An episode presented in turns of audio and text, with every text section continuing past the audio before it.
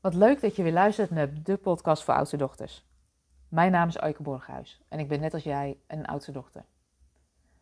In mijn bedrijf werk ik met oudste dochters op leiderschapsposities en ervaren ondernemers die voelen dat ze uh, meer willen leven in verbinding, van binnenuit. Die voelen dat het harde werken wat ze heeft gebracht tot waar ze nu zijn, dat dat um, ja, misschien ook wel op een andere manier zou kunnen. En daar help ik die oudste dochters bij om dat te ontdekken en daar stap voor stap andere keuzes in te maken, die dichter bij je passen, die dichter bij je liggen. En dat dit nog niet zo makkelijk is, dat, uh, dat weten we allemaal. Uh, want we passen ons toch vaak aan aan wat onze omgeving van ons verwacht. En uh, het vraagt ook lef en moed om dat anders te gaan doen. In deze podcast wil ik het graag met je hebben over waarom ik stiekem soms wel een beetje jaloers ben op mijn man. En ik neem je even mee in wat er gebeurde. Mijn man werkt in loondienst en werkt gemiddeld vier dagen in de week. En dat doet hij eigenlijk al vanaf dat hij afgestudeerd is. Want hij heeft zoveel hobby's en creatieve projecten dat hij eigenlijk helemaal geen tijd heeft om meer te werken dan dat hij nu doet. En als ik kijk naar mijn man, dan is hij ontzettend creatief. Wat hij bedenkt, kan hij maken. En ik kan daar iedere keer weer met bewondering naar kijken. Een lamp van oude auto-onderdelen en een statief? Geregeld, een nieuwe lamp. Een keuken bouwen in een brandweerbus? Hij ontwerpt het, tekent het helemaal uit, zoekt uit welke materialen ervoor nodig zijn en hij maakt het. Een klok maken en solderen? Gefixt. Ik kan er echt met verwondering naar zitten kijken en ook naar het engelengeduld wat hij heeft om de dingen uit te zoeken, want dat heb ik niet. Uh, maar ik vind het wel heel tof om te zien dat hij zo ontzettend creatief is. Als ik kijk naar mezelf, dan werk ik op dit moment gemiddeld vijf dagen in de week. En creativiteit is voor mij ook belangrijk. En een tijdje geleden betrapte ik mezelf erop dat ik toch wel wat jaloers werd op mijn man.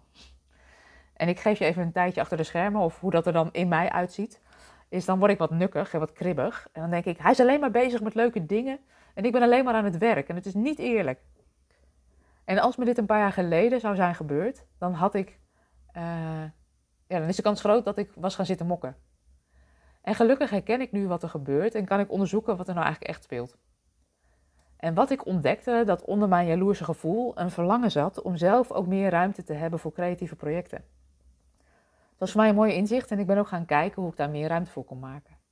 En zo ben ik vorig jaar begonnen met de ontwikkeling van het card deck voor oudste dochters. En ook thuis heb ik altijd wel een creatief project onder handen. Ik vind het leuk om te haken, dus ik heb vaak wel een mand met een haakproject staan. En toch merkte ik laatst dat ik mezelf weer aan het saboteren was. En dat is een valkuil die ik niet alleen bij mezelf, maar bij meer van mijn klanten herken. Want onze creatieve projecten moeten het liefst wel ergens toe leiden. Onze creatieve projecten moeten ergens wel leiden tot goed en nuttig bezig zijn. En het liefst ook wel een mooi eindresultaat hebben. En zoals klanten van mij dat ook wel eens noemen, en ik het zelf ook wel eens noem, is dat we lijden aan het nuttigheidssyndroom. We moeten nuttig bezig zijn, vinden we zelf. Het moet wel ergens toe leiden. En daardoor gunnen we onszelf niet altijd um, de ruimte om te genieten van het proces, maar zijn we alleen maar gericht op het eindresultaat. En dat is jammer. Want juist in dat proces liggen zoveel mooie leerstappen en ontdekkingsstappen. Um, want daar gebeurt het echt te leren, daar gebeurt het echt te ontwikkelen. Een valkuil die ik nog wel eens zie bij um, oudste dochters is dat ze op zoek blijven naar het perfecte project of in de onderzoeksfase blijven hangen. Dat je over datgene wat je zou willen leren of maken blijft lezen, maar er niet praktisch aan begint. De kans bestaat dat je de lat zo hoog legt voor het eindresultaat dat je vergeet om plezier te maken terwijl je bezig bent met het project. En zelf betrapte ik me er ook weer op dat een creatief project als een card deck maken of schrijven aan een boek of een podcast opnemen te leuk is voor door de weeks. Dat gebeurt dan toch vaak buiten werktijd, dus buiten kantoortijden. Als ik kijk naar mezelf, dan neem ik de podcast graag op op kantoor voor werktijd of in het weekend, omdat er dan minder omgevingsgeluid is. Aan de ene kant is dat een prima argument als ik mezelf op andere momenten de ruimte zou gunnen om te lummelen of te doen waar ik zin in heb. Maar dat doe ik dan dus niet altijd. En deze week kreeg ik een stevige spiegel van mijn jongste dochter. En zij zei tegen mij: mam, dat is toch gewoon werk? En toen viel ik dus weer even stil. Want de overtuiging van je moet wel hard werken en een beetje serieus graag, kwam weer om de hoek zetten.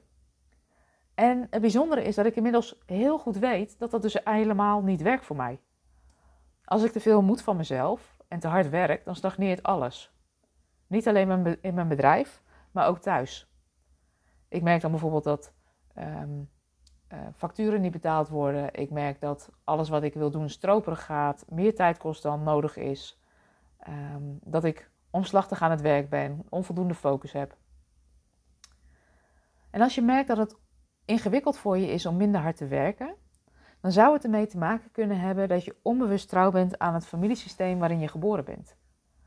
Wat ik bij mijn klanten regelmatig herken, is dat je vooral erkenning kreeg voor wat je deed en minder voor wie je bent.